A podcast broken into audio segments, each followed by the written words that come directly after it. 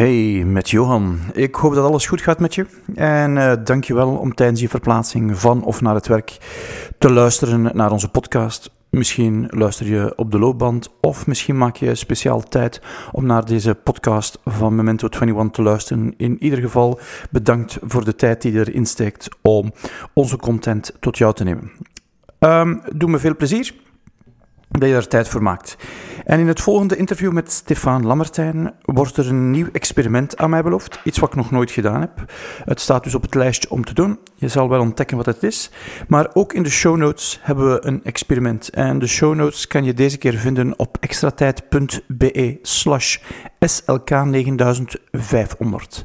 En SLK 9500 is ook de Twitter- en Instagram-handle van Stefan Lammertijn. SLK 9500 staat voor Stefan Lammertijn, Kortrijk en dan de postcode van um, Kortrijk. Geeft ook onmiddellijk te kennen dat Stefan grote fan is van zijn thuisstad. Stefan was ook zo vrijgevig om drie exemplaren van zijn laatste boek te handtekenen en op de pagina extratijd.be slash slk 9500 kan je inschrijven om een van deze boeken te winnen en wij gaan die dan gratis naar jou opsturen als je een van de drie gelukkigen bent. Deel die pagina ook met je vrienden die nog niet naar Memento 21 luisteren. Het helpt ons om meer mensen te bereiken. Dankjewel. Zoals altijd wordt onze podcast ook gesponsord door een van onze eigen bedrijven. En deze keer wordt die gesponsord door Your Untapped Power, onze online shop, ons online experiment om in twee keer 15 minuten per dag een extra business te starten. En daarop vind je um, supplementen die je gaan helpen om meer veerkracht, meer focus, meer slaap, um, betere moed te hebben zodanig dat je een uh, plezantere, nog plezantere mens gaat worden. Veel plezier met het interview van Stefan. Ik heb ervan genoten. Ik hoop dat jullie dat ook doen. Memento 21, de podcast over persoonlijke effectiviteit. Welkom bij aflevering 83 van onze podcast Memento 21. Deze keer ook niet met Steven, maar een interview met Stefan Lammertijn. Dag Stefan. Dag Johan. Zeg Stefan, als iemand u tegenkomt op straat of in de lift en ze vragen wie dat je bent, wat dat je doet, ja. wat vertelde dan? Goh, ik ben uh, Stefan, Stefan Lammertijn. Ik ben ondertussen 50 jaar. Abraham gezien? Abraham al gezien, inderdaad. Nog geen mosterd gegeten. Ja. Maar um, ik uh, vertel dan vooral dat ik social media evangelist ben. Aha. Dus ik probeer... En, en, en moet dat nog geëvangeliseerd worden? Dat moet zeker nog geëvangeliseerd okay. worden. Um, ik ging me eerst een social media missionaris noemen, Aha. maar ik weet niet altijd welke houding dat ik moet aannemen. Ja. Vandaar dat ik me maar een evangelist ja. neem. Ja. Um, dus ik probeer eigenlijk mensen te overtuigen dat die nieuwe media, dat sociale media, dat die toch aan belang winnen. Mm -hmm. En ik doe dat op alle vlakken. Ik doe bij bedrijven, ik doe het bij organisaties, maar ik doe het ook heel intensief bij onderwijs en bij scholen en leerlingen. Ja. Op die manier probeer ik eigenlijk toch wel de geesten wat te doen rijpen, okay. zodat de mensen weer mee zijn met hun tijd. Oké, okay, en dat is één stukje van wat je doet? Ja, daarnaast ben ik ook zaakvoerder van Pixelar Online Communicatiebureau. Mm -hmm. Wij begeleiden onze klanten op vlak van sociale media, maar we zorgen ook voor hun website en voor hun digitale marketing. Ah, oké, ja. ja. En, en van waar die interesse in sociale media? Goh, ik ben eigenlijk altijd al netwerker geweest. Mhm. Mm -hmm. En die sociale media zijn voor mij een perfect instrument om ik, uh, mijn netwerk te gaan onderhouden, uit te bouwen en eigenlijk ook een stukje te gaan gebruiken. Als okay. ik het zo mag uh, oneerbiedig ja. zeggen. Ja, en, en, en je hebt al een paar boeken erover geschreven, hè? Ja, klopt. Ja. Je weet, als man moet je drie dingen doen in je leven om onsterfelijk te zijn. Volgens de Chinezen. Okay. Het eerste is een boom planten. Dan? Het tweede is een kind verwekken. Not done. En het derde is een boek schrijven. Not en op done. die manier... Ja, uh, en je hebt alle drie al gedaan. En ik, heb het, ik moet nog een boom planten. Ah, Oké. Okay. Ja. ik denk dat dat het makkelijkste is van allemaal. Oh nee, misschien... Wie kan mij daar leren? Wie kan mij daar leren? Help. Ja. De groenen gaan u uh, uh, heel hard steunen daarin. Denk het, ja. En, en als je zegt uh, sociale media, wie zijn dan de, degenen waar dat je van vindt van, kijk, die zijn het rijpst om ermee te starten. Als ik naar bij ons thuis kijk, onze kinderen, die moeten dat niet leren waarschijnlijk. Want, ja, ja die, uh, ik, allee, veel ouders zijn zo die, die, die insteek van, ja, mijn kinderen kennen dat al. Ze Mhm. zijn, dat zijn digital natives, zoals Ja. men dat noemt. Die hebben nooit anders gekend. Hey, wij hebben nog de fax gekend, wij hebben nog de telefoon op een kastje in de hang met een draad gekend bij Ja. ons thuis. Twintig jaar dezelfde. Ja. Allee, we kunnen ons dat niet meer voorstellen. Als kinderen kunnen dat ook niet meer voorstellen. Maar ik zie dat kinderen toch vaak ook wel voor hun online gedrag graag bij papa of mama terechtkomen. Zoals we dat offline ook doen, Mhm. Ja. moeten we ze eigenlijk ook online een stukje gaan opvoeden om op een verstandige, mediawijze manier met die nieuwe media om te gaan. Oké, ja. En, en daar, daar mankeert het nog wat aan, ook bij de kinderen. Maar ook bij de ouders, want bij ouders eh, ontbreekt heel vaak de kennis. En dan Mhm. zeggen ze, ja, Instagram en Snapchat. Nu, Snapchat is voor mij ook niet evident. Mhm. Dat is geen toeval dat ze dat Snapchat noemen, Ja. omdat niemand het snapt. Ja, hè. Eh, maar wat dat ik dan aanraad in mijn sessies, dat ik vaak voor ouders en voor eh, docenten geef, dat is dan, vraag gewoon een keer aan uw kinderen. En Ja. we kunnen leren van elkaar. En dat is uniek, Ja. dat wij nu ook van, wij kunnen aan onze kinderen leren, maar onze kinderen kunnen ook aan ons leren. En dus op die manier gaan we echt wel een wisselwerking aan. En ik heb het gevraagd aan mijn zoon van 14 ondertussen, van leg mij dan nu een keer uit Snapchat. Ja.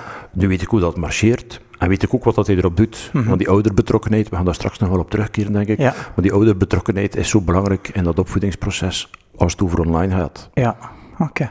En maar hoort ik wel zo vertellen van, ja, met dat online gebeuren, dat haalt de aandacht van de kinderen weg, die zijn altijd afgeleid. Eh, Zie jij daar gevaren in? Of zijn je er mee Nee. akkoord of niet mee akkoord? Ah Ja, als evangelist geloof ik er natuurlijk heel sterk in en predik dat ook wel. Mhm. Ja. Maar eh, ik denk dat het belangrijk is dat we het evenwicht vinden tussen online en offline. Aha. En dat we die harmonie hebben, Ja. dat we die balans hebben.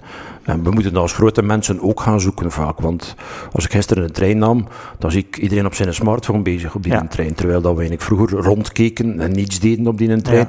Of dat we zelf beter nog aan het babbelen waren met onze buurman of onze buurvrouw. Of een de krant aan het lezen over Aha. de schouder van onze buurman, bij manier van spreken. En nu zijn we eigenlijk allemaal op ons eentje. En dan moeten we proberen een stuk te gaan doorbreken en die smartphone op een smarte, op een smarte manier eigenlijk Ja, ja, te gaan gebruiken. Ja. Want er wordt veel geconsumeerd, denk ik. Veel minder gecreëerd met die smartphone? Of, of Oh ja, ik heb er gisteren een statistiek van gezien. Ja, 90% van de mensen die online eh, op een of ander kanaal actief zijn, is dat nu Facebook of Twitter Aha. of LinkedIn of eh, Instagram, ja, zijn, zijn in kleurkers. Dat zijn Ja. er die gewoon kijken. Die, Aha. dat zijn de voyeurs. Ja. Er zijn maar 9% die af en toe een keer iets bijdraagt en maar 1%, Die dat dus frequent 1 op doen. 100 die er effectief op regelmatige basis iets aan bijdraagt. Ja. En vandaar dat ik er nog zo sterk in geloof dat bedrijven, dat organisaties via die nieuwe media nog veel beter hun PR kunnen gaan verzorgen. Ja, Om eh, op die manier ook een verhaal een stuk wereldkundig te maken. ja. En, en, en, en, en moeten ze dan op de verschillende platforms aanwezig? Ja, dan Want moet je keuzes er is heel, veel, er is Ja. heel veel mogelijk, hè? Ja, er zijn. Ja. Er, zijn. Hey, er komt er iedere maand wel ergens eentje bij, of er verdwijnt weer eentje. Eh, wie spreekt er nog van netlog tegenwoordig? Hè? Dat was het medium, als je tien jaar was, dan kon je op netlog beginnen, want dat was veiliger dan Facebook. Ja. Nu bestaat netlog uite- uiteindelijk niet meer. Dus ik, eh, je moet keuzes gaan maken. Zeker als bedrijf, als organisatie moet je keuzes gaan maken van, kijken in functie van je doelgroep. Ja, het is een dooddoener wat ik vertel. Iedereen, of de meeste marketeers weten dat ondertussen Ja. wel. Maar kijken waar je doelgroep zit en dan op die manier Ja. eigenlijk die kanalen gaan eh, ontdekken en exploreren. Ja, en dat is dan voor bedrijven als, als individu. Op welke kanalen zou ik zeker moeten zitten? Goh, ik ben een heel grote fan van Twitter. Mhm. Ehm, nu, we hebben een eh, Amerikaanse president die dat op een zeer slimme en sluwe manier gebruikt. Eh, onderschat de kracht van zijn Twitter-gebruik niet. Ja, Eh, en dat is breaking news tegenwoordig als hij iets getweet heeft. Hè. ja. Eh, dus hij gaat op die manier gaan communiceren. Voor mij is Twitter mijn nieuwsbron. Bij uitstek. Wilt je weten wat de laatste stand van zaken is in Syrië? Wilt je weten wat er in China aan de hand is? Mhm. Wilt je weten wat er in Nicaragua nu gebeurt? Ja, dan moet je gewoon op Naar Twitter gaan kijken. En Ja. dan vind je vaak heel veel mensen die daaraan bijdragen en die effectief ook wel op een verstandige en een eh, adequate manier hun verhaal Ja. gaan brengen. En hebben ze dan mensen die je gebruikt als filter om te weten wat dat fake news is en wat dat geen is? Goh, nu, fake news is eigenlijk geen nieuw feit. Hè. Dat bestaat al ons ons bestaan. De Duitsers hadden dat ook al in een Ja. oorlog. Die zeiden van, we, zijn daar geland of we, zijn, we hebben de duif naar die richting gestuurd en het was de andere richting. Dus nieuw is dat niet. Natuurlijk, het wordt wel versterkt door die nieuwe media. En die kritische geest moeten we zeker gaan bewerkstelligen en moeten we gaan zeker gaan verder cultiveren. Hè. Dat Ja. is een feit. Ja. Maar gebruikt je eh, bepaalde personen of. Oh ja, ik volg een aantal echte, voor mij toch wel goeroes. Mhm. Ik denk bijvoorbeeld aan Rick Vera en een, en een Peter Hinsen van Ja. eh, Nextworks, die dat op een zeer goede manier doen. Uh, ik denk aan Lucia Engelen, die heel intensief bezig is met zorg en, en nieuwe ja. e-health toepassingen en zo. Dus ik heb wel een aantal mensen dat ik heel intensief in volg. In bepaalde domeinen dat je In volgt, bepaalde domeinen een aantal influencers, een aantal mm. trendsetters. Allee, ik denk aan Jan de Nijs, die op vlak van uh, arbeidsmarktcommunicatie heel intensief bezig is. Dus uh, dat zijn zo'n aantal mensen dat ik effectief volg. Nu, ik volg ook heel veel mensen dat ik helemaal niet ken, maar dat ik op die manier wel leer kennen. Mm. En mijn motto is eigenlijk altijd, Twitter doet kennis en kennissen verbinden. En okay, ja. Ik heb bijvoorbeeld met Fons Leroy, de grote baas van de VDAB, een toffe band opgebouwd, gewoon door hem op Twitter te beginnen volgen. Ja. En dan zie je wat dat hij doet, waar dat hij mee bezig is. Mhm. Je komt elkaar een keer in real life tegen, Ja. want het ene sluit het ander niet uit. En dan is het alsof dat je elkaar al kent. En dat maakt het zo mooi. Dan eh, heb je al een aantal aanknopingspunten om over te gaan babbelen. En het ene versterkt uiteindelijk het andere. En dat vind ik ja. wel tof. En heb je dan het idee dat voor u de sociale media uw, eh, uw effectiviteit, uw productiviteit verbeterd heeft? Goh, ja, dat is een, een moeilijke. Ja, ik vergelijk het zo met, met de opkomst van het internet. Dan was het ook zo van, hé, we Mhm. begonnen dan te surfen en dan waren we op zoek naar iets over punt A en dan Ja. kwamen we uiteindelijk bij punt Z terecht, Ja. omdat we via via uiteindelijk toch maar aan het afdwalen waren. Ehm, maar ik probeer het toch wel zo efficiënt mogelijk te gaan gebruiken. Een van de tips dat ik trouwens vaak geef en die ook in ons boek staat, dat is van, ga het ook een keer gaan opzoeken als je iets zoekt. Ga een keer op die sociale media gaan zoeken. Ja. In plaats van altijd maar die Google-ranking te gaan bekijken. Nee, ga een keer op Twitter gaan zoeken naar het kernwoord of het bedrijf Ja. of de organisatie waar je naar op, toe- naar op zoek bent. En dan zie je vaak eh, dat je daar hele interessante, relevante posts vindt van mensen die er ook wel iets over te vertellen hebben. Ja. En ik, ik weet niet of dat je... ehm, wat ik merk met sociale Mhm. media is dat ik moet heel ehm, veel... Dat ik mezelf moet een stuk beschermen, Mhm. dat ik er gemakkelijk word ingezogen. Ja, Dat gemakkelijk mijn aandacht pakt. ja. En dat heeft niet met de sociale media te maken, dat heeft gewoon meer te maken met hoe dat ik in elkaar zit. Ja. Nou, de sociale media toont veel meer hoe dat ik in elkaar zit dan, dan, dan tevoren, maar ik moet wel dingen doen om mijn aandacht te bewaken. Ik, ik weet niet of dat, dat voor u herkenbaar is. Ik ken bijvoorbeeld als ik, als ik een boek aan het lezen ben. Ik lees graag veel boeken. Ja. Hè? En dan heb je dat boek en dan eh, het eerste dat je dan doet van, ah, ik begint op de eerste pagina, ah, zou die auteur op Twitter zitten? Hè? En dan begint je te kijken naar Twitter, dan zie je inderdaad dat hij een aantal posts gedaan, hebt, gedaan heeft. En dan zeg je van, oh, interessant. En dan dwaal je natuurlijk wel af. Dus Ja. wat doe ik nu? Ik lees nu mijn boek zonder dat ik een iPhone of een iPad bij mij heb. Ja. Dan ben ik Echt gedwongen... fysiek, analoog boek? Fysiek, ja, liefst wel. Omdat een boek, je kunt daarin bladeren, eh, dat heeft een eh, textuur, dat, eh, dat ruikt ook. eh, je kunt dat laten rondslingeren, je kunt daar vlot op noteren als je wilt. Dus ik heb toch nog wel het voor, allee, het voor, de voorkeur om effectief de papieren, natuurlijk met gerecycleerd papier, om effectief de bomen te sparen. Ja. Oké. En, en, en, en, en wat doe je dan nog anders om de, ja, de zuigkracht van sociale media een stukje tegen te gaan? Ik ga verstandig om met mijn smartphone. In die zin, als ik in het weekend ga wandelen aan de zee, zeg maar iets, dan laat ik hem gewoon thuis. Ja. Dan doe ik hem niet mee. Ja, En als je hem niet mee hebt, dan kun je hem ook niet gebruiken. ja. om niet in verleiding te geraken. En soms is het wel lastig, want dan zeg je tegen je vrouw van, ach ja, vanavond, waar zouden we gaan eten? Ah, zou het open zijn? Of kunnen we online reserveren? Ah ja, we hebben geen smartphone mee. Ja. Dus ja, het is zo'n beetje dubbeltje op zijn kant. Ja. Maar het went wel. En offline is best ook wel oké. Eh, het is een combinatie van de twee, denk Ja. ik. Hè. Dus, zoals gezegd, heel handig. Hè. We zaten eens in Kortrijk en moesten een restaurant hebben. Ik tweet u en dan krijg je de restaurant door en gaat naar de, de restauranthouder ook getweet. En, Ja. ja, dat, is, dat is wel plezant natuurlijk, hè, op die manier. Ja. Inderdaad, En je hebt elkaar niet gesproken, hè. Ja, Ja. klopt. Dus eh, het is een eh, zeer goed communicatiemiddel. Ja. Ja. Eh, het, is, het, is, het helpt, maar zoals elke technologie denk ik van, is er ook een gevaarlijke kant aan. Maar goed, we hebben, als er zoveel jaar geleden de televisie uitkwam, dan was het ook zo. En dan werden er ook studies van niet te veel televisie Ja, kijken, ja, want dat is niet vast voor het brein. Ja. We zijn natuurlijk een conservatief wezen hè, als mens. En als de eerste trein tussen Brussel en Mechelen eh, reed, dan waren er ook studies van professoren die zeiden van ja, dat is niet vast voor ons brein. Ja. Want dat zal, eh, ons geheugen zal eh, negatief beïnvloed worden door de snelheid waarop dat ons geheugen inderdaad de- door de trein Ja. vooruitgebracht wordt. Ja, en dan zeg je ook van, goed, achteraf lachen we daar nu wel mee. Ja. Maar ja, dus het- is inderdaad vooruitschrijdend inzicht. ja. Ehm, ik merkte ook dat ik meer moeite moet doen dan vroeger. Mhm. Ah, als ik vroeger ging, ging werken, ja, had dan was dat, het eerste half uur afge- afgeleid. Ja. Maar daarna was er geen afleiding meer, dan Ja. moesten we wel werken. Hè? Ja, wat ik veel gebruik naar afleiding toe, dat is Pomodoro-principe. Mhm. Dat is eigenlijk het kookwekkertje waar je je spaghetti mee kookt, 20 minuutjes. En eigenlijk in schuifjes van 20 minuutjes effectief gaan werken. En dan alle prikkels afzetten. Ik mijn smartphone, geen bings, geen uh, toontjes of, of geen trillen of zo. Gewoon afzetten. En je moet hem gerust een keer in, uh, in flight modus zetten, ook al zit je niet op een vliegtuig. er is niemand die dat gaat komen controleren als je dan effectief wel in de lucht hangt of niet. Maar dat helpt wel om effectief de focus te houden. Met mail hebben we dat ook moeten leren. Hè. In het begin dat de mail er was, nog, was alle vijf minuutjes toch maar een keer gaan zien van, is de Goed Nieuws Show er nu? Hè, refresh, refresh, alweer geen mail, hoe komt dat nu? We hebben dat een stukje afgeleerd. En dat gaat zich dan wel gaan normaliseren. En ik denk dat hij met die nieuwe media ook wel zo zou mhm. zijn. Ja, ja. Maar dat geloof ik ook heel. Ja. Uh, dat nieuwe media uh, ons gewoon meer toont hoe dat we zijn. In plaats van uh, ons, ja, het ons, ons moeilijker te maken. Het is gewoon een betere spiegel, vind ik. Hier in Kortrijk zeiden we vroeger vivre branché, uh, vivre heureux, vivre um, cachet, zei men vroeger. En nu zegt men eigenlijk vivre heureux, vivre branché. Hè? Dus uw netwerk wordt belangrijker en belangrijker. Ja. En dan uh, dienen sociale media, ik denk aan LinkedIn, ja, dat is voor mij mijn online adresboek. Ja. Um, ik heb daar 4500 mensen op dat ik nu, en waar dat ik durf van zeggen dat ik toch wel het gros van die mensen effectief ook wel ken, want ik ga niet zomaar iemand in mijn netwerk toelaten dat ik niet ken. Okay. En dat maakt het mij wel handig om uh, contacten te leggen of contacten op te zoeken. Of een, uh, een, vraag te stellen. En zijn er speciale strategieën dat je gebruikt om je, uw netwerk bijvoorbeeld op LinkedIn uh, in orde te houden? Of te nee, dat is puur ja. intuïtief. Ja.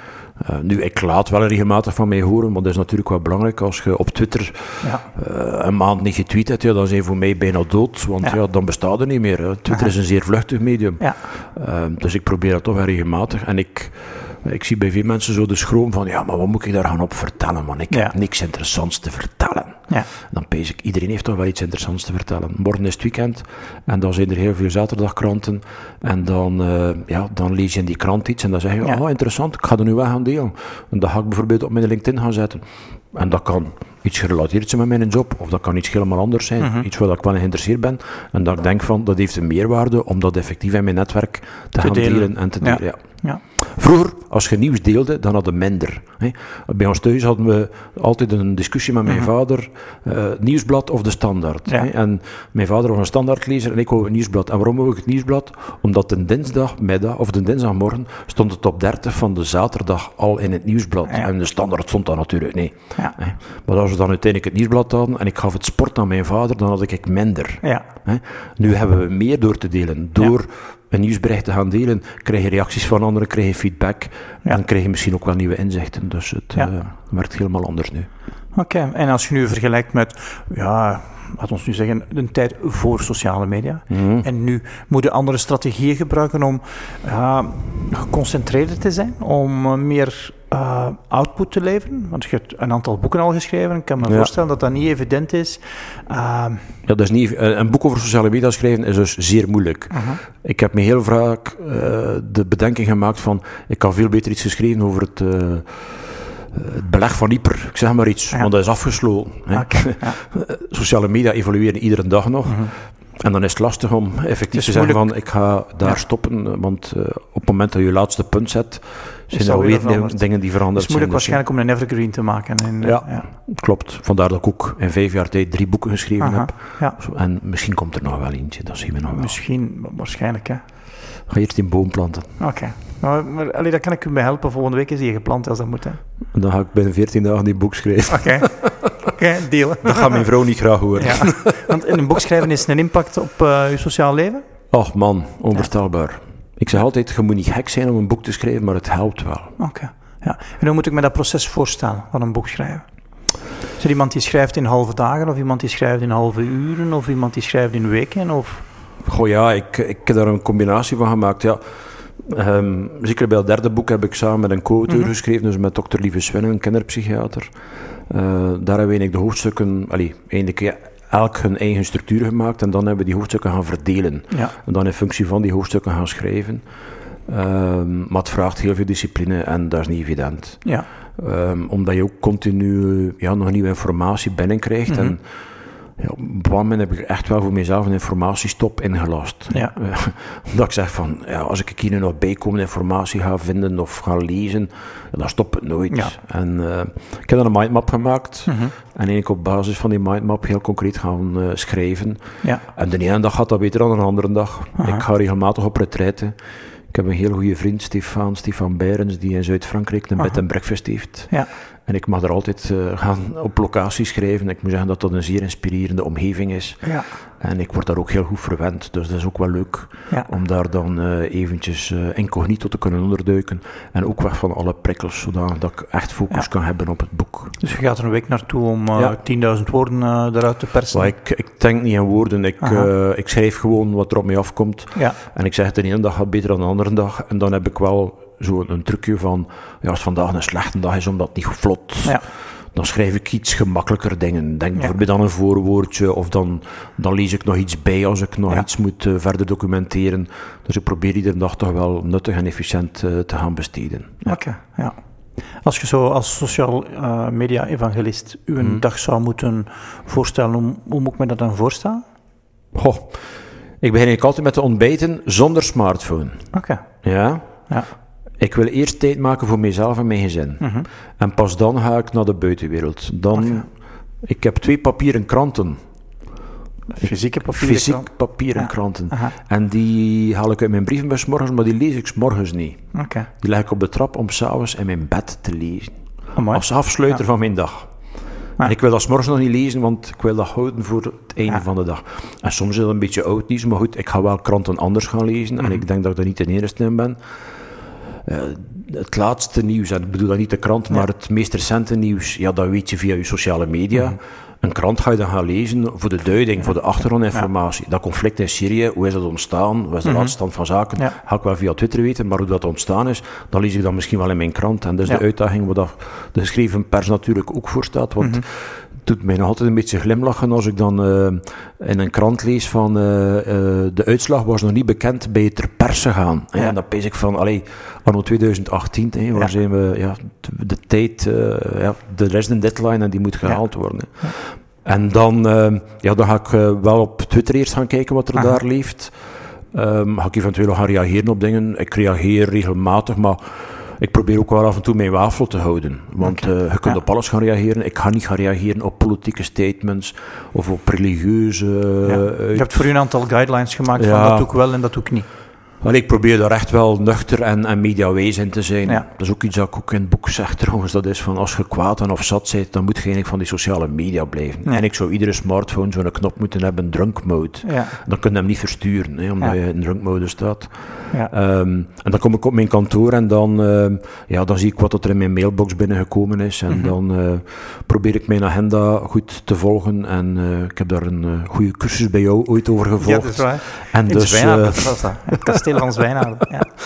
dus ik eh, probeer dan echt wel efficiënt mijn to-do's doen, zonder veel prikkels en zonder veel, eh, eh, te veel afleiding, laat het Ja. mij zo zeggen. En, en de, de, zonder te veel prikkers is de wat. Hoe doe je dat concreet? Is dat echt een telefoon wegleggen of heb je bepaalde apps die van alles blokkeren? Nee, ik heb geen apps daarvoor, want goh, dan denk ik van, allee, nog een app om... Ja, En ik vind dat je... ik ben volwassen genoeg om te weten wanneer het kan en wanneer dat het niet kan. Dus Oké, en dan ik leg heb hem gewoon opzij. app. Dan leg ik hem opzij. Ja. Zet ik hem in vliegtuigmodus. aha, Of eh, ga ik op een plek gaan werken waar ik geen ontvangst heb. Zou ook wel Ja. een keer kunnen. aha. En dat Pomodoro-principe waar we het juist over gehad hebben, dat is echt wel efficiënt. Ja. Dat doet mij heel veel werk verzetten in korte tijd. Ja, eh, dat vind ik ook een heel eh, goed principe van zo heel geconcentreerd werken Ja. en ontspannen.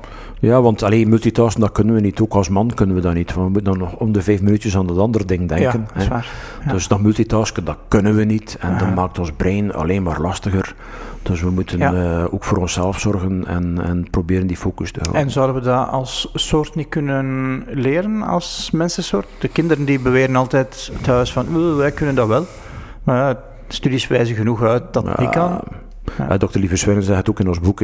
Ons brein is niet meegeëvolueerd met de Mhm. technologie die er gekomen is. Dus we zitten Ja. echt nog wel met dat oude brein, Ja. waar dat we uiteindelijk met nieuwe technologie moeten leren omgaan. En dat is niet efficiënt. Of dat is dus- niet evi- evident, beter, laat het mij zo denk dat dat zeggen. ons grootste probleem is. Hè. Ja. Dat dat brein ontstaan is in een, in een context van te weinig, en dat we nu in een context zitten van te veel. En dat die programma's er niet aan aangepast zijn, dat dat een van ons problemen is. Ja. En het is natuurlijk ook zo, ja, het, het, nodigt uit om ermee uh bezig te zijn. Hè. Als je op Facebook iets plaatst, ja, dan wil je natuurlijk wel weten van, heb ik nu veel likes? Nee, en is het gedeeld geweest, krijg ik reactie op en zo. Dus is een Amerikaanse kunstenaar die een extensie gemaakt heeft recent, waar je eigenlijk kunt, uh, dus het aantal uh, likes en zo staan er niet meer op. Er staat gewoon zo some people. Hè. En uh, ik heb dat geïnstalleerd en ik heb dat 24 uur gebruikt. Want dat gaat dus niet. Hè. Je wilt echt wel die cijfers zien. Hè. Ja. En het is die aapjes die in de, in de, aan de, aan de, aan de, aan de hendel trekken. En die harder en harder trekken tot er toch maar nootjes komen. En dat zijn we met die sociale media ook zo. En nu natuurlijk die, die hetsen met Facebook, hè, met de privacy mhm. en uh, de dingen die allemaal verkeerd gegaan zijn. En dan uh, is er in Nederlander een tv-presentator die uh, opgeroepen heeft dan hun Facebook-accounts massaal te gaan sluiten. Ja. ja, dan zie je dat er een paar mensen effectief gedaan hebben, maar dat dat toch wel weer overwaait. En, ja, is, ik zou die sociale sociale media, ook mijn Facebook, zou ik niet meer kunnen missen. Ik heb gisteren trouwens wel een toffe inhaker gezien. Er was iemand, een eh, bedrijf die verjaardagskalenders maakte en die dus een publiciteit gemaakt had op Facebook. En die zei van als je uw Facebook afsluit, geen probleem, bestel uw verjaardagskalender bij ons, dan blijf je toch nog mee. Want op Facebook zie je iedere dag wie dat er jarig is, als er een taart bij het profiel staat. Zo grappig. Dus dat vond ik wel tof. Ik, ik, ik, zit de laatste tijd niet zoveel op Facebook. En ik dacht, oh, mijn maat is jarig. Ik bel hem. Hij zei, ik heb nog niet op Facebook gekeken, hè, want ik ben pas binnen twee dagen jarig. maar dan ben ik toch de eerste geweest. Hè. Uh, dan ben ik, uh, ja. ben ik toch de eerste geweest om je proficiat te wensen. Ja, klopt. Ja. Ik ben, ik ben nu mijn draad kwijt, Stefan. Geen um, probleem. Eh, wat dat me er straks integreerde was dat je zei van, ja, die uh, president uh, Trump, mm. die gaat toch wel heel goed op met Twitter ja. om zijn punten duidelijk te maken. Ja. Moeten we dan zijn voorbeeld volgen als we willen impact hebben? Of, uh... Goh, natuurlijk is, is soms wel zeer radicaal in zijn mhm. quotes. als hij deze week zegt dat de bommen ja. Syrië op weg zijn, ja, dan denk ik van, allee... Um, ik denk dat je toch wel, uh, ja, wat dat er vooral ontbreekt bij die sociale media, en dat is het non-verbale, en dat mis ik echt mm -hmm. wel. Als ik zeg van, ja, die Johan, man, ja, zijn cursus zo interessant was het ja. niet, ik zeg maar iets, ja. dan zeg ik dat met een knipoog. En dan ja. zie hij dat hier ook. En dat horen de mensen dat ook. Hè. Maar als je dat schrijft, dan komt dat wel helemaal anders over. Zelf met, een self, of met, een, met een smiley erbij. Hè. Dus die nuance ontbreekt dan, en dat vind ik toch wel een belangrijk Het is een armer medium, hè? Het, is, ja, het is een dimensie die ontbreekt. Mm -hmm. En daar wijs ik ook kinderen op van, uh, let op wat hij, ga niet maar zoiets gaan vertellen over je beste vriend, uh, ja. iets negatiefs. En dan maak ik vaak de bedenking van, zou ik dat leuk vinden, moest die een ander dat over mij zeggen. Mm -hmm.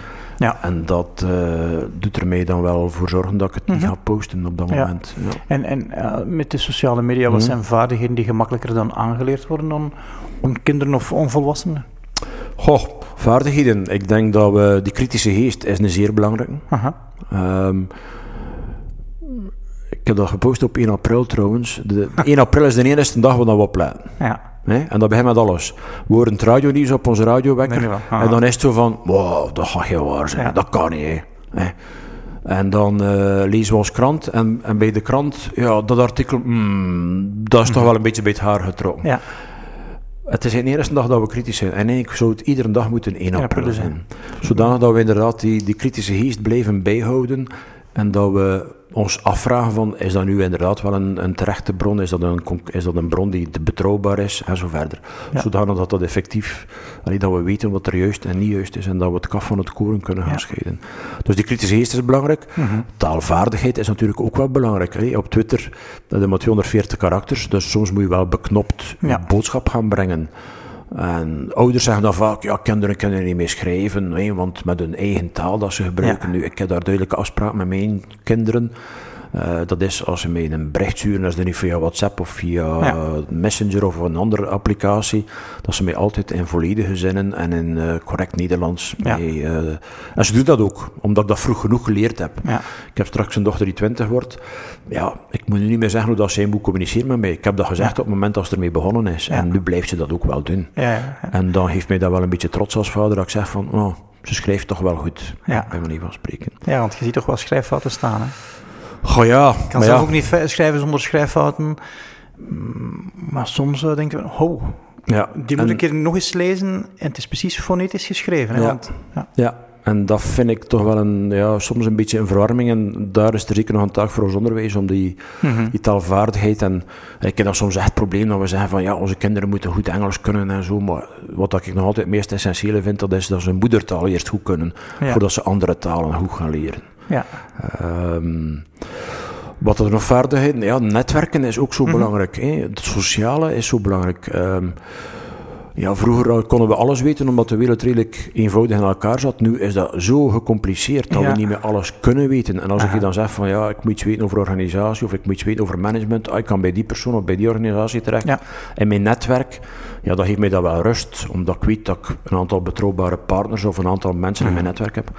Wat ik ook wel leuk vind, dat is dat, we, ja, dat in een netwerk iedereen even belangrijk is. Hè. Er zijn eigenlijk geen kleine of grote garnalen meer. Ja. Iedere in het netwerk is even belangrijk, want die kent dan misschien wel weer andere mensen waarmee dat je in contact kunt om komen. Te maken. Maar sommige mensen zijn toch, hebben toch nog grotere nefbonden dan iemand anders. Hè? Goh ja, maar ja, ja, vroeger had dat ook. He. Nee, ah, ja, ook. De wereld is daardoor niet veranderd. Hè? Nee. Het is alleen gewoon, denk ik, Wat we ook niet opletten is met ons geheugen. Ehm, ik weet nog perfect het telefoonnummer van mijn eerste lief, maar ik weet het gsm-nummer van mijn echtgenote niet. Ja. Nee. Gewoon omdat die technologie ons er eigenlijk niet meer toe aanzet om nog nummers mhm. van buiten te leren. Ze zitten in uw smartphone, dus je kunt ze wel consulteren als het nodig is. Ja. En dat is natuurlijk ook wel een uitdaging om te zorgen dat ons geheugen uh, bijblijft. Ja. ja. Is dat nodig? Ik denk dat dat moet een combinatie zijn. Allee, ik vind ja, dat je op school nog geschiedenis leert, het zou maar evident zijn. Ik denk dat het belangrijk is dat je een goede basis hebt, dat je een goede bagage hebt, om dan de dingen die er vandaag maar om nutteloze feiten in je hoofd te steken, maar is nog iets anders natuurlijk. Sommige dingen, ja, ik weet dat mijn zoon ooit alle boeken van het Oude en het Nieuwe Testament van buiten moest kennen. Dan pees ik van, goed, waar is daar nu de meerwaarde van? Ja. Dus uh, ja, daar is er kijk ook wel werk aan Kijk op Wikipedia, ze staan er allemaal. Ja, ja maar dan nog iets kritisch weer zijn. Wat je op Wikipedia leest, is ook niet altijd waar. dus check uw bronnen, kijk, als je dat op een andere site ook vindt, wie heeft er dat geschreven, mhm. hoe, hoe, recent zijn die dingen en zo verder. Dus dat, ook eh, niet alles wat je denkt is waar. Hè. Dus. Gelukkig maar. Ja. Denk ik toch. dat is waar. Inderdaad, gelukkig maar. Ja. Ehm, in, uw, in uw laatste boek heb je ook een hoofdstuk over een digitale detox. Ja. Je er zelf voorstander van? Goh. Zijn je op vakantie geweest, heb de digitale detox gedaan? Of, uh... Ik heb hem toch zo weinig mogelijk mee naar het strand genomen. Oké. Ja. Uh -huh. Nou, slecht voor mijn privacy, nu weet je dat ik naar het strand geweest ben. Dat is niet erg. Ik kon heb er ook, ook kijken op Instagram. Uh, ik heb er ook niet zoveel over gepost. Hè, bewust, omdat ik dat... Ik wil ook geen twintig keer met mijn vrienden... Maar vaak is het ook wel een, een goed nieuwsshow. Ja. En, en dat vind ik wel een beetje jammer. Ik heb vandaag nog een term gelezen... Um, ik ga het eventjes opzoeken als ik mag. En dat doe ik dus via, via mijn iPhone. Ja, terecht, hè? Uh, heb ik een term gelezen dat ik wel heel mooi vond. Dat is een term van Anne Kramer, de taalkundige. En die zegt van, zij spreekt van cherofobie. Chairfobie. Ja. Hè, dat eigenlijk, het is allemaal positief dat er gebracht wordt. En je moogt je eigenlijk niet meer slecht voelen. Je moogt, hè, het is nu pasvakantie geweest, ja, iedereen is gaan skiën. Hè, uh, Er is geen die ziek geweest is. Uh, de rapport met Pasen waren super. Ja.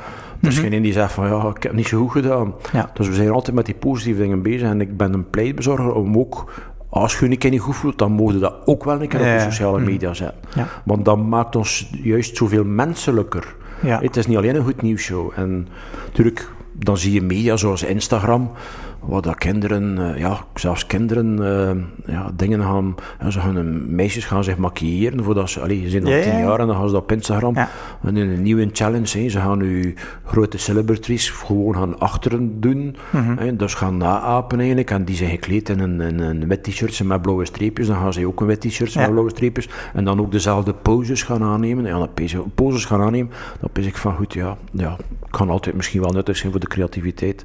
Ja. Maar detoxen, ik denk dat we dat eigenlijk iedere dag zo een beetje moeten mhm. doen. En niet zo van, uh, ik ga nu een week niks doen online. Ik denk dat we iedere dag een beetje moeten rustpauzen. Hey, een van de dingen dat ik doe, s'avonds ga mijn smartphone niet meer naar mijn bed. Okay. Ik blijf beneden in de keuken in de lader. Aha.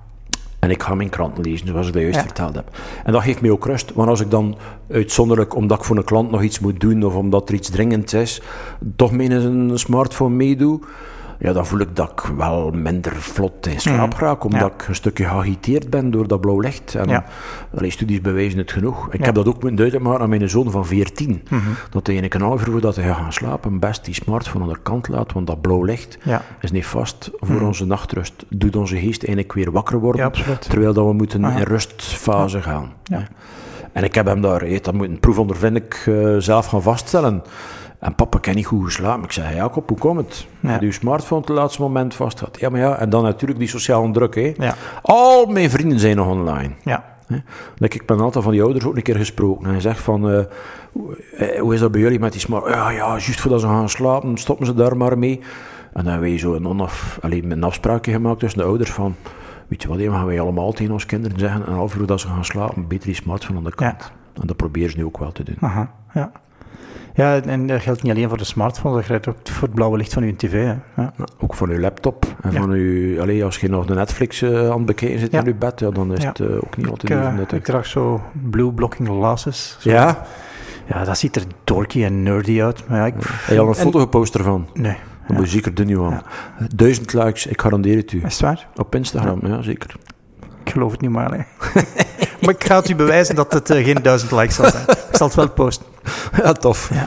Ja, um, uh, ja omdat, omdat, we krijgen meer en meer kennis van hoe dat technologie ja, ons lichaam in een bepaalde richting stuurt. Hè. Ja. En er zijn wel eh, middelen te vinden om de, de fallout, vind ik, ervan tegen te gaan. Want anders is het kind met badwater buiten gooien. Hè. Ja, ja, ook met die algoritmes waar men meer en meer van spreekt. Hè. Uh, ik heb eens een cartoon gelezen van uh, een dokter die aanbelt uh, bij een oudere dame en die zegt van ja, we komen hier u reanimeren, want je gaat een hartstilstand doen. Ja. Dus op basis van een aantal, allee, die Apple Watch biedt al een aantal mm -hmm. parameters. Je hebt ook al apps, gezondheidsapps, waar dat mag je de Blok als minister van Volksgezondheid ook aan het kijken is om een aantal apps te gaan herkennen en te gaan terugbetalen. Mhm. Dus straks gaat u een dokter geen pilletje meer voorschrijven, maar gaat hij gewoon u een app voorschrijven waar dat je een week moet uh, uw hartslag en uh, uw parameters van uw hart moeten Dat is terecht ook, denk ik. Want ja, als je ja, de dokter, dokter gaat, is een momentopname. Ja. Eh, die mens heeft geen data om over te, met te beslissen. Hoe kun je dan een goede diagnose doen als je geen data hebt? En vroeger moest je dan met een bakje rondlopen als je een probleem had met je hart.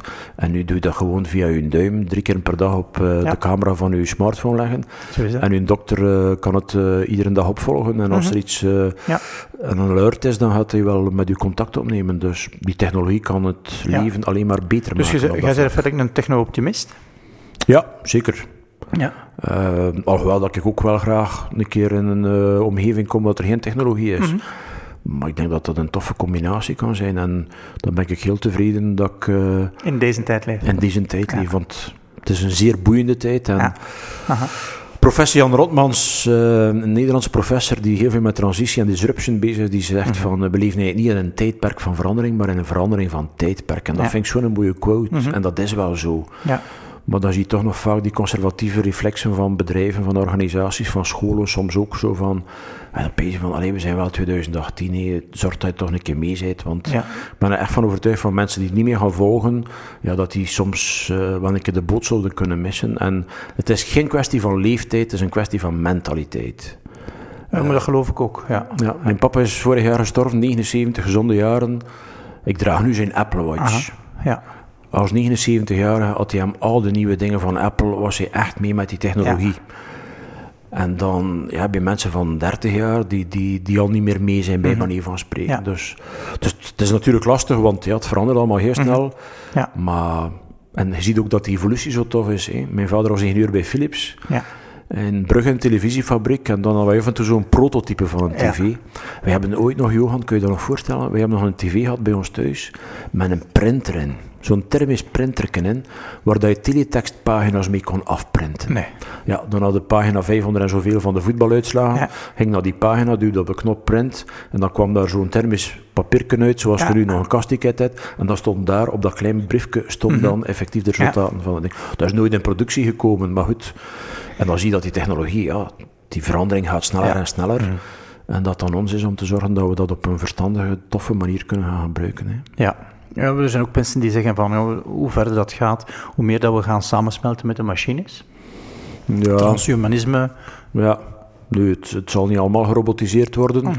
maar ehm, ik denk dat we juist door die robotisering als mensen weer meer het verschil kunnen gaan maken. Okay, ehm, als ik dan een helpdesk een vraag heb, en dat is een simpele vraag, als dat dan met een chatbot gebeurt via Facebook Messenger, dan is dat voor mij oké. Maar moet geholpen zijn, hè? Ik moet geholpen worden. En als dat goed en efficiënt gebeurt, dan is het voor mij oké.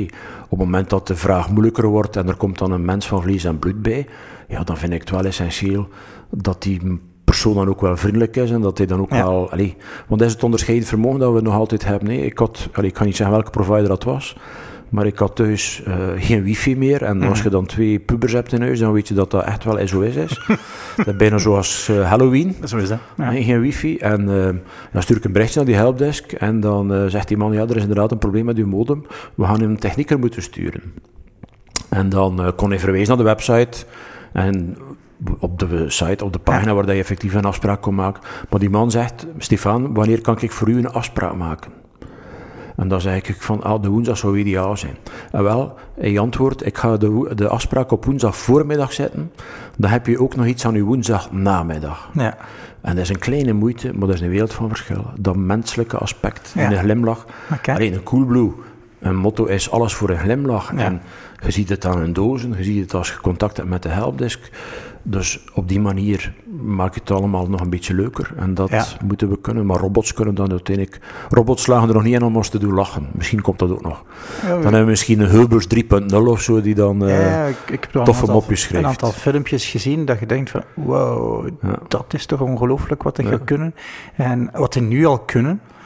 En uh, hoe gaat het ons, uh, ja, ons leven een stuk bepalen, hè? Ja. Twee jaar geleden zag ik op Pukkelpop um, de, de First Human Cyborg. Ja. Ik van, ja, waar, waar gaat dat stoppen? Hè? Dat maakt het juist boeiend, vind ik. En ik heb er echt geen vrees van. Okay. Uh, ja. Het maakt ons het leven alleen maar comfortabeler. Allee, je hebt nu die zorgrobot ook. Mm -hmm. Ja, die gaat in een aantal uh, rusthuizen al uh, de bejaarden gaan tonen dat ze oefeningetjes moeten doen. Hè. En in plaats dat de kinesist dat vroeger vooraan deed, uh, ja. doet de robot het nu. En ondertussen loopt de kinesist rond tussen zijn patiënten om hen te helpen om die oefeningen te doen. Dus dan is het een win-win voor mij. Ja, ja maar ze heel, heel optimistisch. Wat, wat, zou, wat zou voor u de, de Rubicon zijn omdat je zegt van, kijk, dat is de grens voor mij. Tot hiertoe zeg ik iets in mijn lichaam inplanten dat is voor mij de grens. Tot hiertoe zeg ik dat, hè. Ja, dus die pacemaker ga je niet nemen? Moest ik die nodig hebben, dat is misschien nog iets anders. Maar, maar, maar, maar, dat is misschien wel goed. Wat ik merk is dat ik, ik accepteer gemakkelijk technologie om iets te repareren dat niet goed gaat. Hmm. Maar technologie om iets te augmenteren dat nu oké okay is, daar heb ik precies wel meer moeite mee. Ja. Nu, technologie went wel ook, hè. Allee, ik weet nog, de eerste keer dat ik Shazam toonde aan mijn vriend, dan was dat wauw. Ja. Hij luisterde naar dat liedje en dan zegt hij aan wie dat, dat is. En hey, nu de link met Spotify en dan, en dan lyrics en wat weet ik allemaal. En nu is dat de normaalste zaak van de wereld. En nu gaan we weer een, een, een, een dimensie verder en mhm. komen er weer andere dingen uit. En ja, dat... Uh, allee, in China heb ik nu een, een, een fastfood... Uh, uh, al McDonald's gezien en, en dat was daar, uh, ja, de, je betaalt er met je gezicht. Hè. Mm -hmm. Je betaalt er niet meer met je kaart of met ja. je duim, maar je betaalt gewoon met je gezicht. Hè. Ja. Uh, ik geloof ook heel sterk in, als we dan toch terug op sociale media hebben, dan over WeChat. Hè. Dus WeChat is de Chinese applicatie, mm -hmm. waar dat eigenlijk alle dingen in zitten die wij nu allemaal in aparte dingen ja. gebruiken. Hè. Als ik gisteren een Uber gebruikt heb, ja, dan zit dat in WeChat. Als ja. ik de Starbucks moet bestellen, dan zit dat in WeChat. Als ik ja. Lotto wil spelen, dan zit dat in WeChat. Booking zit in WeChat. Dat is allemaal in één app. Mm -hmm. En Facebook gaat ook meer en meer die richting uit. En uh, ik, ik, heb in Shanghai een... Uh, een clochard gezien die dingen verkocht aan de voorbijgangers en die aanvaarde geen cash meer. En aan zijn kar hangde er alleen maar een QR-code. Ja. En dan moest je die inscannen met WeChat, want je bankrekening uh, is er ook aan ja. gekoppeld. En dan kwam die, dat geld dat je moest betalen, die clochard, hetgeen dat je gekocht had bij hem, uh, kwam automatisch op zijn rekening, dus je ontving geen cash meer. Ja. Dus. Als bedelaar geen cash meer, ja, dat is een statement. Hè. Ja, en dan kom je hier nog in winkels waar je zegt, ja, ja, het is minder dan 10 euro. Ja, het gaat toch moeten 50 cent bijrekenen. Ja. Een beetje gemiste kans. Ja, absoluut. Mm. ja, er is een groot verschil tussen uh, uh, de wereld van de mensen die technologie gaan omarmen en degenen ja. die het niet gaan doen. Hè? Ja. En je moet daarvoor je moet niet allemaal nerds worden. Nee. Het moet geen Star Trek worden, het moet geen uh, Mr. Spock worden en zo. Ja. Maar als ons dat leven alleen maar gemakkelijker kan mm. maken, goh, why not? Ja. ja. Maar langs de andere kant, ja, we hebben de weer-app, een discussie een paar weken mhm. geleden van ja, moeten we nog weer mannen en weer vrouwen hebben straks. En we, de Gilles Peters en de, de Frank de Bozer hebben we niet meer nodig straks, zeggen ze dan. Nu, ik vind dat het toch nog wel mag blijven bestaan en dat, uh, dat het een en-verhaal mag zijn. En, ja. ja.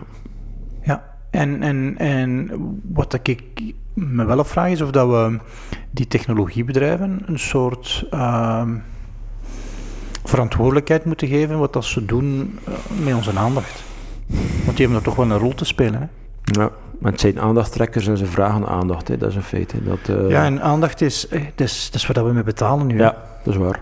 We betalen ook met onze identiteit. Hè. Ja. Allee, mhm. Als je op een site komt en je kunt inloggen en dan uh, zie je heel veel sites, en dat is een tip dat ik toch graag meegeef van een luisteraars, van als je inlogt op een site, dan zeggen ze, ah, je kunt via je Facebook of via je LinkedIn of via je Twitter-account. Doe dat niet. Ga echt een aparte account aanmaken. Doe de moeite om je te gaan registreren, want op het moment dat je Facebook toegang heeft, ja, dan, dan zijn ze weer vertrokken, dan hebben ze weer big data en zo verder. Mhm. Dus probeer dat niet te doen. Maar het is natuurlijk wel gemakkelijk en ja, het is vaak de wet van de geringste moeite. Ja, en voor het gemak geven we een aantal dingen op, soms zonder te weten. Hè? Ja, ja. klopt. En Allee, KLM vorig jaar bestond zoveel jaar en dan kon je gratis vliegtuigtickets winnen. Mhm. En dan, hoeveel van mijn vrienden, en ik dacht dan dat ik verstandige vrienden had, hoeveel van mijn vrienden op Facebook dat dan gedeeld hadden, omdat gratis tickets kon winnen. En dan pees ik van, mensen, als het gratis is, dan ben jij het product. Zo simpel is het. Gratis bestaat niet. Ja. De podcast van Johan is wel gratis. En die bestaat wel. Dat is ook een marketingmanier, hè? Ja, tuurlijk. Ergens moet dat betaald geraken. Ja, dus uw klant maandag gaat dat met veel plezier voor u betalen. Ja, zo is dat, hè. Ja. Een stuk daarvan gaat er gebruikt worden. Ergens wordt de rekening betaald. Hè? Ja. En als de luisteraars een uur in hun wagen zitten te luisteren, luisteren ze niet naar het nieuws of naar iets anders, maar ergens betaalde me iets. Hè? En dat is ook weer hun aandacht. Ja, ja, absoluut. Ja. En, en hoorde daar in, in, in de sociale media stemmen rond van wat moeten technologiebedrijven doen voor onze aandacht? Goh. Want nu, nu is een platform gemaakt om er zo lang mogelijk op te zitten. Hè? Ja. dat is ook een van de redenen, ik weet niet of je dat weet, maar Twitter was vroeger 140 karakters, mhm. nu is dat 280 karakters geworden. Waarom is dat gedaan? Dat is puur uit uh, commerciële overweging. Nee? Dus mm je had 140 karakters, moest je wel een link leggen om het verder elders te gaan bekijken, dan waren we weg van Twitter. Mhm. Nu je er 280 karakters, waar je iets meer kunt gaan vertellen. Dus blijf je langer op Twitter en betekent meer aandacht, blijf je op hetzelfde platform, zorg ervoor dat de advertenties meer gezien worden en dan zijn we weer rond. Hè. Ja. Dus uh, nou ja, dat we daar met die grote... Ja, ik heb soms wel een beetje schrik van, van de Facebooken en de Googles van deze wereld, mhm. van wat dat ze allemaal over ons weten. En als ze het weten tot daar aan toe, maar wat dat ze er dan mee doen, wordt natuurlijk wel lastig. Hè? Ja. Uh, ja, kijk naar mijn booking.com, je kijkt naar een hotel. En drie weken later krijg je er nog van. Hè, dan, ja, eh, en dan zijn ze ook onder druk, hè, Stefan. Je zit aan het kijken naar het hotel. Er zijn er drie die nog aan het kijken zijn. En de laatste boeking is vijf minuutjes geleden. En er zijn nog twee kamers over. Dus ja, dan zetten ze bijna het mes op de keel. Hè. En, en, daar moeten we leren mee omgaan van... Nee, ik ga wel beslissen wat ik doe. En ik ga me hier niet onder druk laten zetten door die grote spelers. Ja, ja maar zonder te weten... Doe je toch wel een stuk. Het zijn allemaal trucken, hè. Ja. En ook ja, die, die, die, die samenvoeging. Nee, allee, een WhatsApp, dat is van Facebook. Hè. Mhm. Instagram. Instagram is van Facebook. Hè. Dus ja, en dan zie je, ik had vandaag nog gelezen iemand uh, die, die van WhatsApp naar Telegram gegaan is, een andere chatapplicatie. Omdat hij zegt van, ja, dat is niet van Facebook. En de, Rusland heeft nu zelfs uh, mm -hmm. vandaag uh, Telegram verboden, ja. omdat ze niet de encryptie krijgen van Telegram. Ehm, dus ja, wordt, het wordt gevaarlijk of beangsten op het moment dat we, ik zeg maar iets, we tweeten iets over een lekker biertje dat we zouden samen na deze podcast uh, gaan nuttigen. Wat dan moeilijk zal zijn, want jij drinkt geen alcohol, ik drink geen alcohol. Ja. Sigaar roken. Een sigaar roken, ja. Heb je nog nooit gedaan dus. Is het waar? Ja. Nou, uw eerste keer vergiet je nooit. en dan hebben we witte rook. ja. maar uh, ja, stel dat we iets over sigaren vertellen en dan krijgen we in onze mailbox een uur later inderdaad een aanbieding van sigaren. Of we gaan naar Messenger en we krijgen berichten over sigaren. Ja, dan wordt het wel beangstigend, want dan is het echt wel luide Moskou. Hè. Dan, uh, dan kijkt Big Brother echt wel mee. Hè. Ja. wat dat wij thuis al voor gehad hebben is, we zijn aan het kijken voor op reis te gaan, we zitten op een hotel en we boeken dat nog niet. En de volgende dag willen we boeken, die prijs is omhoog gegaan. Ja. Ik ga op een andere computer ja, dan ziet, naar, de, naar hetzelfde kijken en de prijs is terug lager. Dan denk ik van, maar ik word hier... Ja, ik word hier in de Charlotte. Charlotte, ja, in, in, het zak gezet. Hè. Ja. Maar op de markt was dat vroeger ook zo, hoor. Dan zeg je, oh, die is goed gekleed. Hier, voor, uh, voor die, voor die uh, mand fruit dat we hier verkopen, ik ga dat toch 5 euro bij doen, die gaat dat toch betalen. Ja. Maar het is nu natuurlijk met de technologie allemaal veel gemakkelijker om het ja, echt op maat te gaan doen. Ja, absoluut. Ja. Als je met een iPad Pro gaat inloggen, dan ga je ook waarschijnlijk meer betalen dan dat je met een, uh, een Chromebook inlogt. Hè? Kijken ze ook naar, blijkbaar. Maar goed, als we dat weten, en, en ze maken daar op dit moment geen misbruik van, dan vind ik dat voor mij oké. Ja. Ik zou Facebook niet kunnen missen, maar langs geen kanten. Mhm. Alhoewel dat ze veel over mij weten. Ja. Wat ik af en toe doe, als je een advertentie krijgt, heb je daar rechts van boven drie puntjes staan. En dan kun je daarop klikken en dan zie je een pop-upje en dan zie je, waarom zie ik die advertentie? Ja. En dat is wel leuk. En dan zie je van, ja, alle examen uh, van 50 plus uh, krijgen die advertentie te zien. Dus op die manier weet je dan ja, dat je inderdaad een stukje... Adverteren via Facebook ze weten toch een hele loop. Hè. Ze weten alles over jou. Ja. ja. Um, nu ja, wij gebruiken dat voor een aantal klanten en gaan heel gerecht gaan adverteren. Ja. Mm -hmm. uh, vroeger had je Google, uh, had je Facebook uh, Social Search. Search graph noemde dat, ja. En dat zijn er nu gestopt, maar dan kon je echt zelf nominatief gaan kijken. Hè. Dan mm. kon je zien van, uh, ik wil alle kortingsaan van 25 tot 50, ja. waar dat een status iets complicated ja. staat en die graag een espresso drinken. Ja, dan alles, zelfs met niet-vrienden zag je dan effectief nominatief verschijnen. Dat zit er nu niet meer in, maar dat was er vroeger wel. En die informatie heeft Facebook. Hè. En dan kunnen daar gerecht een advertentie op lossen. Oké, ja. En die big data, ja, je ziet dat bij een bol ook. Hè. Als je mhm. dat koopt, dan zegt bol, ah, misschien moet je ook dat kopen. Hè. En, dan, uh, dus... en, en, soms is dat, helpt dat, soms denk je van, laat me gerust. Hè. Ja. Ik vind dat soms zelfs nuttig. Mm -hmm. Hey, bij Spotify dat ook, hè. hoeveel nieuwe muziek dat ik al leren ken. Gewoon ja. omdat ik, hey, luister graag naar Mireille Mathieu. Ja. En dan zegt hij, ja, dan een Moeskourie heeft ook een nieuw liedje. En ja. uh, vergeet niet dat Petula Clark ook nog bestaat. Ja. ja, het helpt mij wel om weer andere dingen te gaan. Absoluut. We leren van elkaar. En dat vind ik zo tof van dat netwerk aan die nieuwe media, dus dat we ja, continu ja, die, dat prikkelt continu mijn leergierigheid. En, uh, okay, ja. Joost Callas van Durabrik, dat je misschien ook wel kent, mm -hmm. die een boek geschreven over kwetsbaar leiderschap, uh, die zegt van ja, het is een probleem als mensen niet meer kunnen leren vandaag de dag. Hè. Ja. Als je op school niet kunt leren tot daar aan toe, bij manier van spreken. Maar dat is dan de dan, vorm waarschijnlijk. Ja, maar als je dan achteraf, en dan zie je inderdaad, en dat volg ik voor een stuk ook wel in Peter Hinsen, die ooit gezegd heeft dat onderwijs uh, een Guantanamo is van deze wereld. Ja, ja we zitten nog altijd aan lessenaartjes, nog altijd met ons armen gekruist bij manier ja. van spreken. Het hangt nog altijd een bord van voren. Uh, ja. Het is nu wel een digitaal bord. Ja, het is een digitaal bord, wat dat dan in, in 9 van de 10 gevallen alleen maar uh, gebruikt wordt om een YouTube-filmpje te tonen, terwijl ja. dat, dat bord zoveel meer kan. Dus ja, er zijn natuurlijk wel heel veel uitdagingen en het is de, ja, het is de manier waar we mee omgaan en dat we het op een toffe, goede manier gaan gebruiken. Oké. Okay. Ja. Ik zie, we zijn bijna 50 minuten stil, dus Wat? is vooruit gegaan. Dat is geen lesuur. ja, dat is waar, om over lesuur te spreken. Dus moeten we Toch geen strafstudie, nee. Nee, we gaan ook niet Toch terugkomen niet. in september. En krijg ik een, een kus van uh, een bank vooruit en een kus van de meester? Of, van de juffrouw, hè, van de juffrouw is er ja. niet. En, Ja. uh, Stefan, onze laatste vraag is altijd van, kijk, als je nu overheen uw, uw leven, uw, uw carrière kijkt en er zijn drie dingen die je zegt van, die wil ik niet vergeten. Wat zouden die drie dingen zijn? Um, en uh, zou die op uw lijf laten zetten? Ja. Het eerste zou zijn ademen. Breathe. Breathe. Ja. En, Ik- en waarom? Omdat ik nu zelf vaststel, ik vergeet dat natuurlijk niet, want dat is het automatisme, gelukkig maar.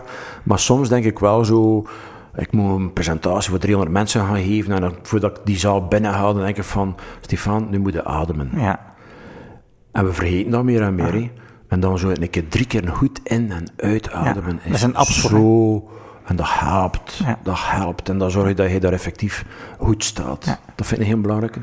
Een tweede, iets dat ik zou laten eh tatoeëren, om het eh, zo maar te zeggen, dat is eh, netwerken.